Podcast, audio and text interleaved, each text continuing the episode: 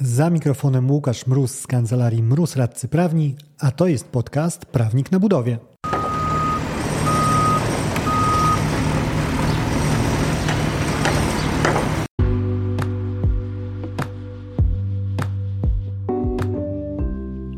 Prawnik na budowie. Podcast o wszystkim, co związane z budownictwem. Uwaga, może zawierać śladowe ilości prawa.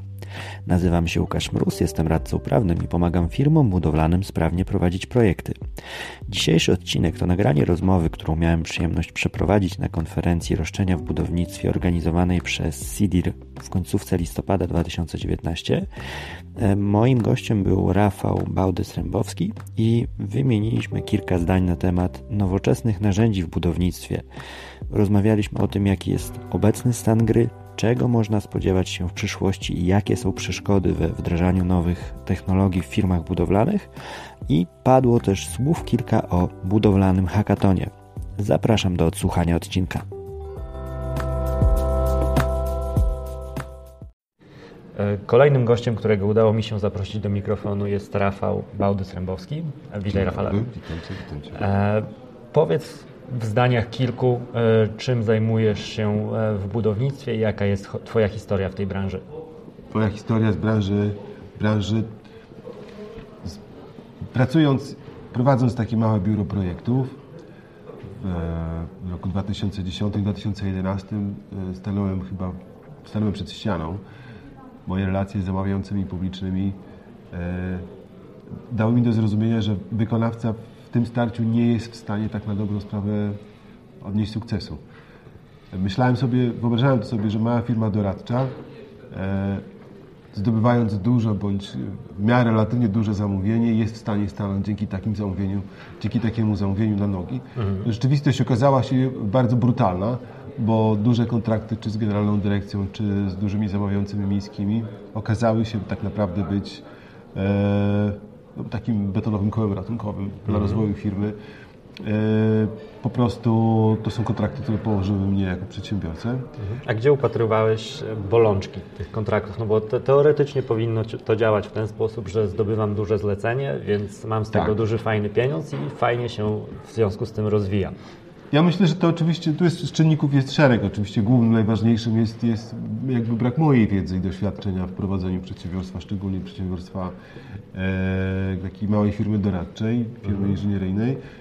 To jest też tak, że nie sprawia mi, znaczy nie jest dla mnie żadnym pocieszeniem, że inne firmy z tego obszaru radzą sobie równie e, źle albo gorzej. Mhm.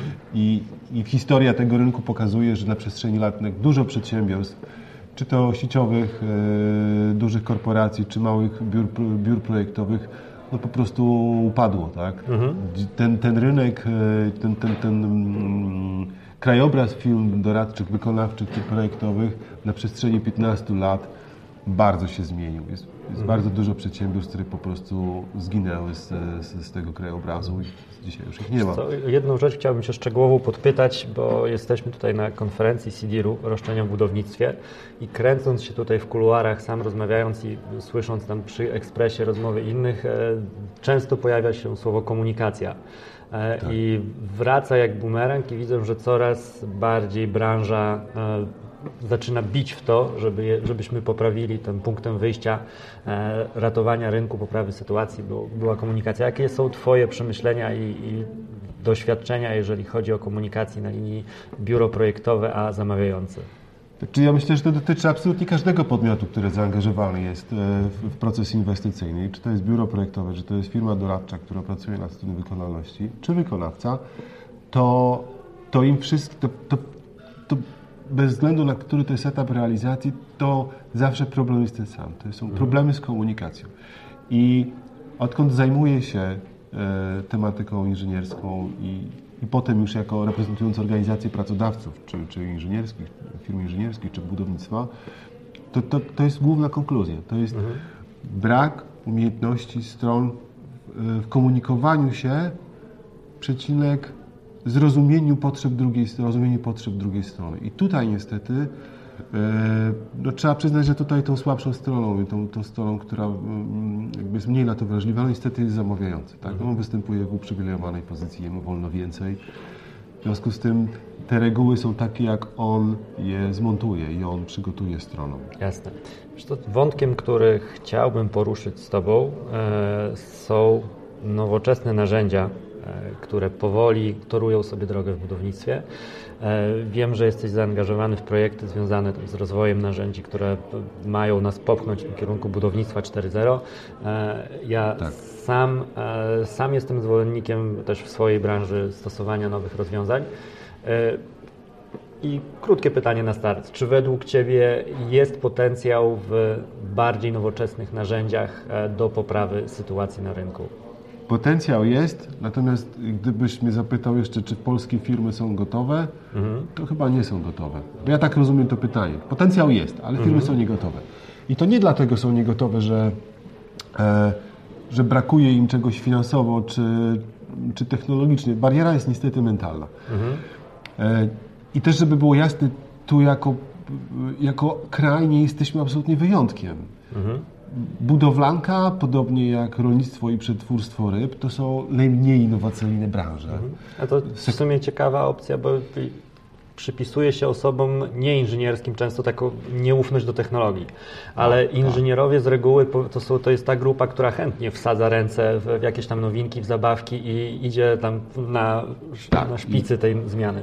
Zgoda, ale bardzo często też nowoczesność i innowacje w budownictwie utożsamiane są z technologią BIM. Mhm.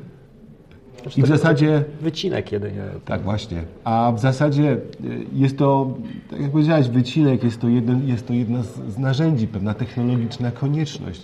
Uważam, że mówienie o technologiach BIMowych szerzej, bo wiadomo, że mówimy, też możemy rozpatrywać, mówić tutaj o głębokości implementacji tej, tej, tej technologii, te narzędzia są A, dziejową koniecznością i technologicznym wymogiem. Właściwie mhm. odwrotu od tego nie ma. I mówienie o innowacji w tym obszarze no jest, nie chcę powiedzieć nadużyciem, ale no, we mnie akurat powoduje już pewien zgrzyt. Nie jest to mhm. już innowacja. To jest wymóg współczesnego placu budowy, współczesnego procesu bardziej niż nawet samego placu budowy, bo jeżeli ten, im więcej e, energii poświęcimy na proces zamodelowania samego przyszłego obiektu, ale też zamodelowania procesu jego wykonania, tym faktycznie możemy te koszty realizacji samej ograniczyć i przyszłej eksploatacji.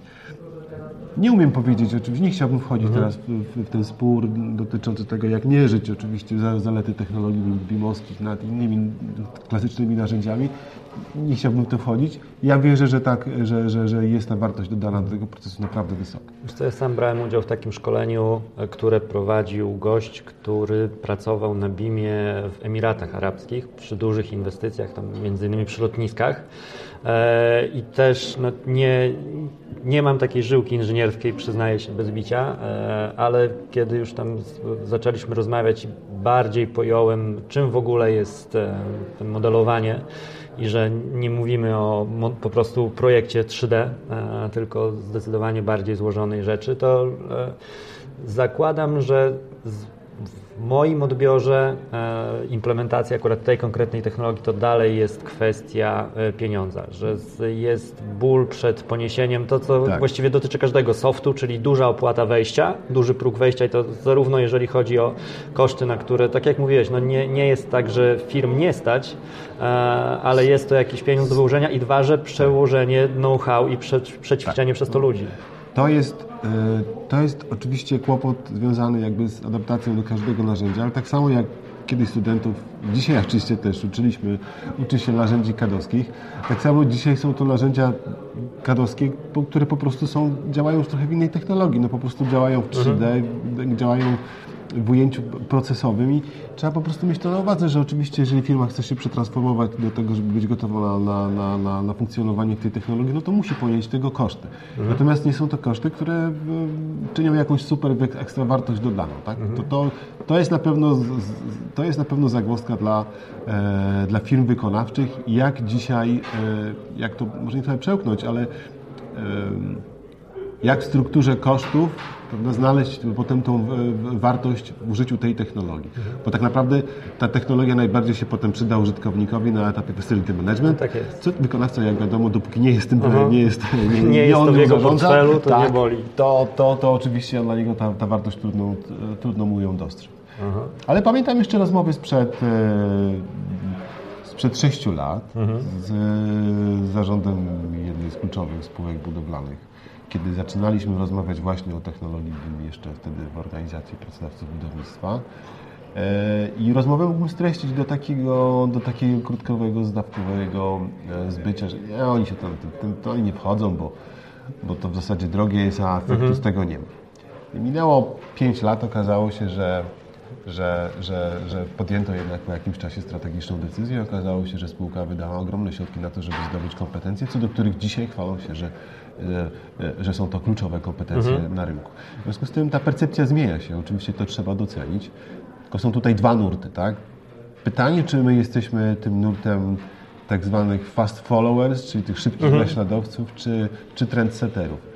Myślę, że powinniśmy być e, uczciwi wobec jakby naszego rynku i naszej własnej innowacyjności w tym obszarze. Nie jesteśmy trendsetterami, nie ma w Polsce. To bym się zgodził, że nie ma, nie ma parcia w, tej, w, tak, tym sektorze, tak. szczególnie gospodarki. Na... Tak, ale to ma swoje, to ma swoje głębsze podłoże.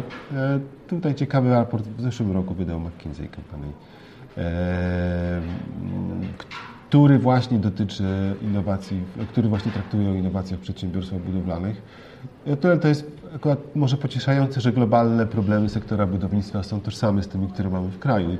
I w raporcie, który, który przytaczam, diagnozowano przyczyny, dlaczego przedsiębiorstwa budowlane e, wykazują się mm, tak niską innowacyjnością, albo też dlaczego zarządy tych spółek bardziej mają taką niską percepcję, nie widzą wartości w innowacjach. Mhm. I bardzo ciekawa obserwacja poczyniona, którą potwierdzam absolutnie w, jakby w, na przestrzeni lat pracy z zarządami spółek budowlanych, jest taka, że każda z tych firm ma dział R&D, tak? Mhm. A jak z Wami, a jak u Was w innowacjach? Jak można, mógłby ktoś zapytać, no bardzo dobrze, mamy taki, mamy taki dział. Jest, mamy jest dział, dyrektor, jest, ma tak, fajny pokój nowoczesny. Tak, tak. Tylko, tylko też ten szef działu R&D, ci, ci, ci szefowie działu R&D to są najbardziej sfrustrowane chyba osoby w tych organizacjach. Mhm. Ja oczywiście upraszczam, ale robię to celowo, że Kłopot polega na tym, że w klasycznej strukturze szef działu R&D inaczej niż szef działu na przykład prawnego, szef działu prawnego komunikuje się z zarządem w sposób, który zarząd jest w stanie zrozumieć. Natomiast szef działu badań i rozwoju, mhm. nowych technologii, mówi językiem, którego zarząd nie rozumie i nie jest w stanie dostrzec wartości w czymś, czego ci ludzie nie są sobie nawet w stanie wyobrazić. Mhm. I to jest pewien kłopot. Poradziła sobie z tym Skanska strukturalnie i faktycznie tam szef działu i rozwoju był niejako równolegle, miał, mógł ominąć zarząd. Tak, oni się dość często chwalą tymi fajnymi rzeczami, które mają i przyjemnie jest obserwować to. Ale, tak, zgadza się, ale też, ta, ale też jakby ta struktura, którą oni sobie wprowadzili jest właśnie konsekwencją tej obserwacji, tak, mhm. że, dopóki, że dopóki tamą przed innowacjami, czy też, jakby, czy też drogą do uruchomienia innowacji, barierą do przejścia jest zarząd, to faktycznie to może nie przynieść efektu, bo zarząd wielokrotnie nie widzi wartości w innowacjach. Mhm. Okej, okay, wiesz co, nie chcę Cię wypytywać o konkretne e, narzędzia, bo też dla, dla, mnie, o ile lubię narzędzia, to mhm. e, rozmowa o konkretnych rozwiązaniach nie jest to o tyle ważna, co o rozmowa o samej zasadności. I e, porozmawiajmy, pobawmy się jakby, załóżmy, że jest tutaj trzecia osoba, bo cóż, jesteśmy we dwóch tutaj zgadzając się, że, że przyszłością jest wprowadzanie jakichś nowoczesnych rozwiązań. E, załóżmy, że stoi tu trzecia osoba i taka osoba, jeżeli chodzi o argumenty przeciwko, z moich doświadczeń to są zazwyczaj dwa. Po pierwsze, to tak naprawdę ma słaby user experience i dodaje mi to pracy. Ja jestem project managerem, spędzam 18 godzin na dobę na, na projekcie i nie mam jeszcze czasu, żeby bawić się jakąś aplikacją i, i do niej wprowadzać. I szczerze, moja obserwacja jest taka, że tych narzędzi do, dajmy na to, claim managementu czy project managementu, nie jest taka sytuacja, że ich zupełnie nie ma. Tylko tak. E, dalej jest podnoszone cały czas to, e, że ja nie mam na to czasu. I jakbyś rozmawiał właśnie z takim naszym wyimaginowanym trzecim rozmówcą, e, co, co mógłbyś mu powiedzieć, jakby próbując zbić ten argument, tak. Ja myślę, że to jest o tyle trudne, że że z tą smutną diagnozą trzeba się zgodzić, bo powiem więcej, że jedynymi naj, najczęściej i najszerzej wykorzystywanymi rozwiązaniami IT w sektorze budownictwa na kontrakcie jest Word i Excel. Mhm. To, to, jest, to, są, to są podstawowe narzędzia.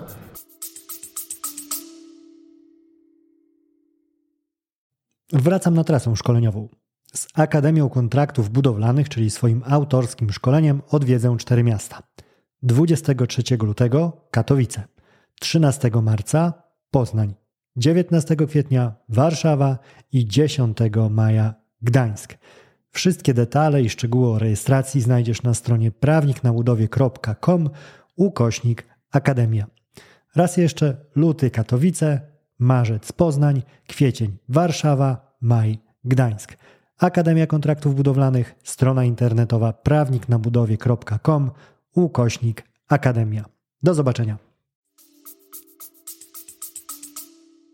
Które jakby z mojej strony to nie jest nic złego, bo właśnie Ale mówiąc o narzędziach, to ludzie sobie wyobrażają, że musi być jakaś tam za- zakupiona aplikacja dedykowana, wyko- wykonana za grube pieniądze, która ma nies- niesamowite rzeczy i e, nie, Tak. im trudniejsze są słowa w niej uwzględnione, tym lepiej, a e, równie dobrze narzędziem e, wykonawcy czy innego uczestnika procesu budowlanego jest kartka papieru. Dokładnie. I teraz, jeżeli, jeżeli wykonawcy trudno namówić do korzystania z tych narzędzi, a często niestety jest tak, że, że narzędziem potrafi, czy też powin, narzędzie, rozumienie narzędzia powinniśmy zmienić percepcyjnie w głowach, tak? Czyli narzędziem może być również owa kartka papieru stosowana przez nie wiem, kierownika robót, czy kogokolwiek odpowiedzialnego za jakiś element robót, jeżeli będzie służyła mu na przykład do dokumentowania zdarzeń, do czego może użyć te, też telefonu komórkowego na przykład, czyli super nowoczesnej technologii z geopozycjonowaniem tego, że on robi zdjęcia temu zdarzeniu. I umówmy się, to jest praktykowane, ale rzadko. Czyli ten wykonawca nie korzysta nawet z tych nowoczesnych narzędzi, które są powszechnie dostępne, na przykład do dokumentowania zdarzeń, które być może w przyszłości będą stanowiły jakiś element claimu, bądź nie będą stanowiły elementu claimu. Nie ma takich zachowań, które my nazywamy higieną pracy, e, taką kancelaryjną higieną pracy, gdzie faktycznie należałoby nauczeni, że nauczeni doświadczeniem powinniśmy jakąś tam jakąś tą wiedzę zbierać. I na przykład nowoczesne narzędzie, jakim jest telefon kom- komórkowy, faktycznie mogłoby nam w tym pomóc.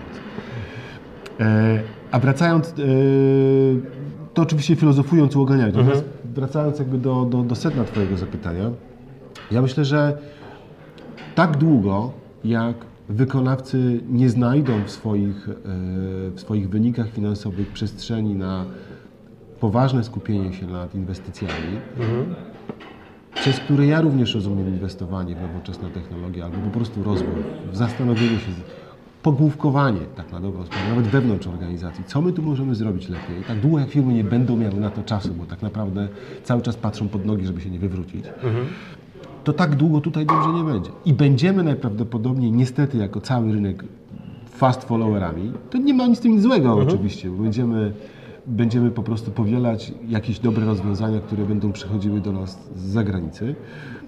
Natomiast myślę, że można śmiało zapomnieć o tym, że będziemy jakimiś, e, że, będziemy, że my tu w Polsce wypracujemy jakąś, jakąś trzecią, jakąś nowoczesną drogę, że tutaj okaże, okażemy się jakimś, jakimś tygrysem technologii, dopóki ktoś nie wynajdzie jakiejś super technologii, nie wiem, wiązania betonu w 6 minut pod wpływem, pod wpływem Dmuchnięcia. fal kosmicznych albo dmuchnięcia, albo jakiegoś innego rezonatora i oczywiście to też jest nowoczesna technologia, to, to, to my tu nie, by- to, tu nie, nie widzę miejsca. Wiesz co, jeżeli chodzi o contract management, to właśnie ze swoich doświadczeń testowałem e, z jedną z firm, z którą współpracuję. Posadzenie na Teamsach, w których my operujemy w kancelarii, to jest taki Microsoftowy odpowiednik Slacka.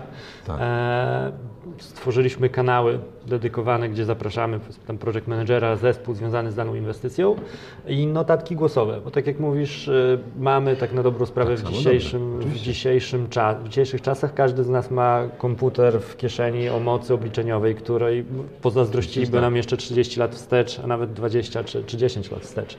E, I e, to jest w ten sposób próbowałem walczyć właśnie z tą największą bolączką, która w moim, z moich doświadczeń jest z punktu widzenia budowy, to jest deficyt czasu.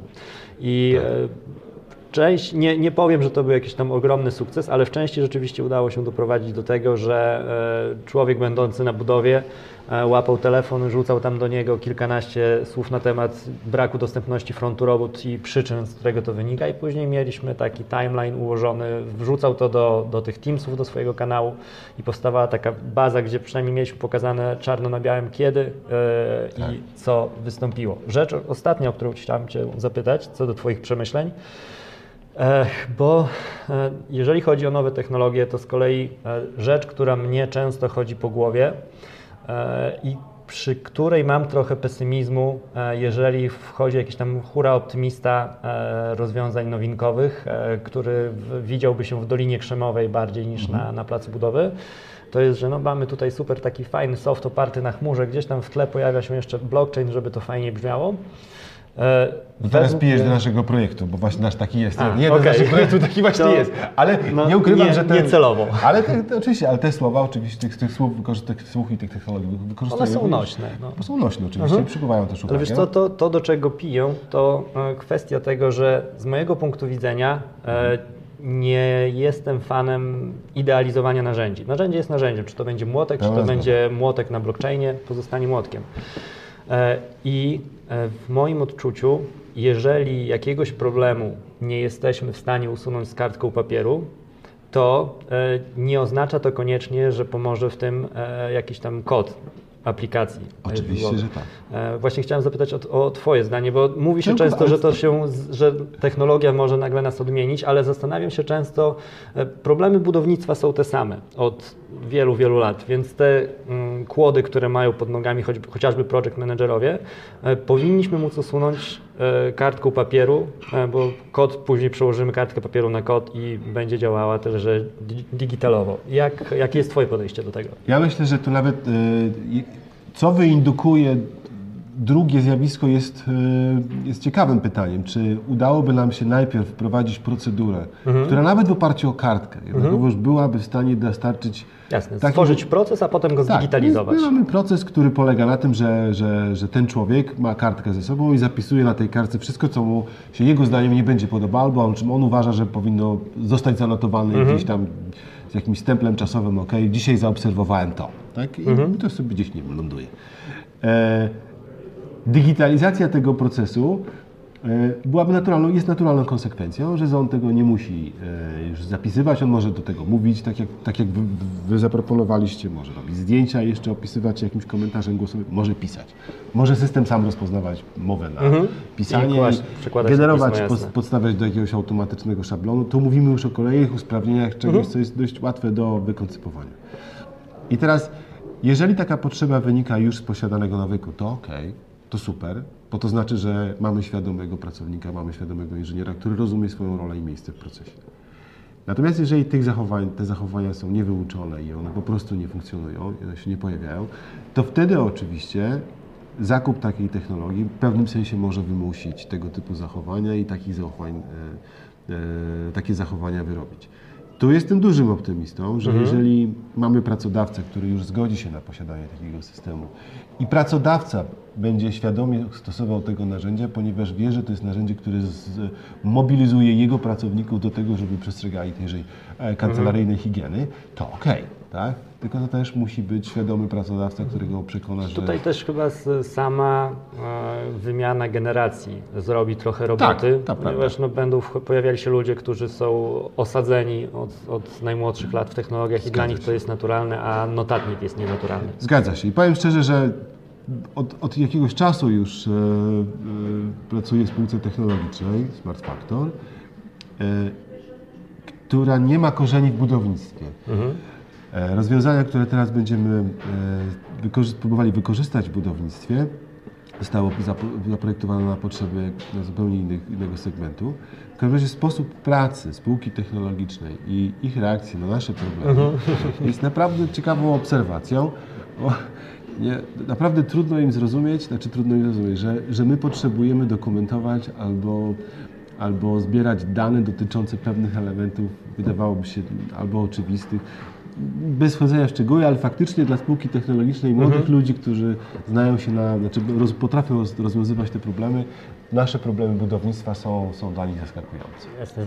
Wartością w takiej współpracy jest to, że często oni przez to, że nie wiedzą, że istnieją rzeczy, które według nas są wpisane u nas jako nie da się, Tak. to okazuje się, że, że, się, że im się da, jeżeli Zgadza nie wiedzą, się że się i nie to da. nie ukrywam jest, e, to nie ukrywam jest e, jakim przyczynkiem do tego, że, że myślimy o tym, jak, e, jak tu podejść do takiego hakatonu budowlanego, w którym to młodzi ludzie właśnie, Mhm. e, których, których głowa, intelekt nie jest zamieszana już naszymi utrwalonymi, skamieniałymi procesami i podejściem, być może w sposób dla nas zaskakujący poradzą sobie z pewnymi odwiecznymi problemami budownictwa. Zobaczymy. Może, Mhm. nam, może nam się to uda. No z chęcią bym pośledził. Dobra, Rafale.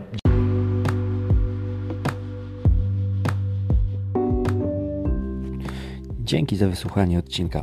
Zarówno Rafała, jak i mnie znajdziecie łatwo na LinkedIn. Zachęcam do podzielenia się swoimi przemyśleniami na tej platformie, czy na dowolnej innej, na której słuchasz tego podcastu, e, na temat przyszłości nowoczesnych narzędzi w budownictwie. Może sam je stosujesz, może planujesz stosować w najbliższym czasie. W każdym razie, raz jeszcze dzięki za wysłuchanie odcinka i do usłyszenia w kolejnym. Dzięki za odsłuchanie tego odcinka. Jeżeli chcesz się ze mną skontaktować, możesz napisać na biuro małpa albo zadzwonić na 577 665 077. Znajdziesz mnie też w mediach społecznościowych. Na LinkedIn jako Łukasz Mróz, a na TikToku, Facebooku i Instagramie jako Prawnik na Budowie.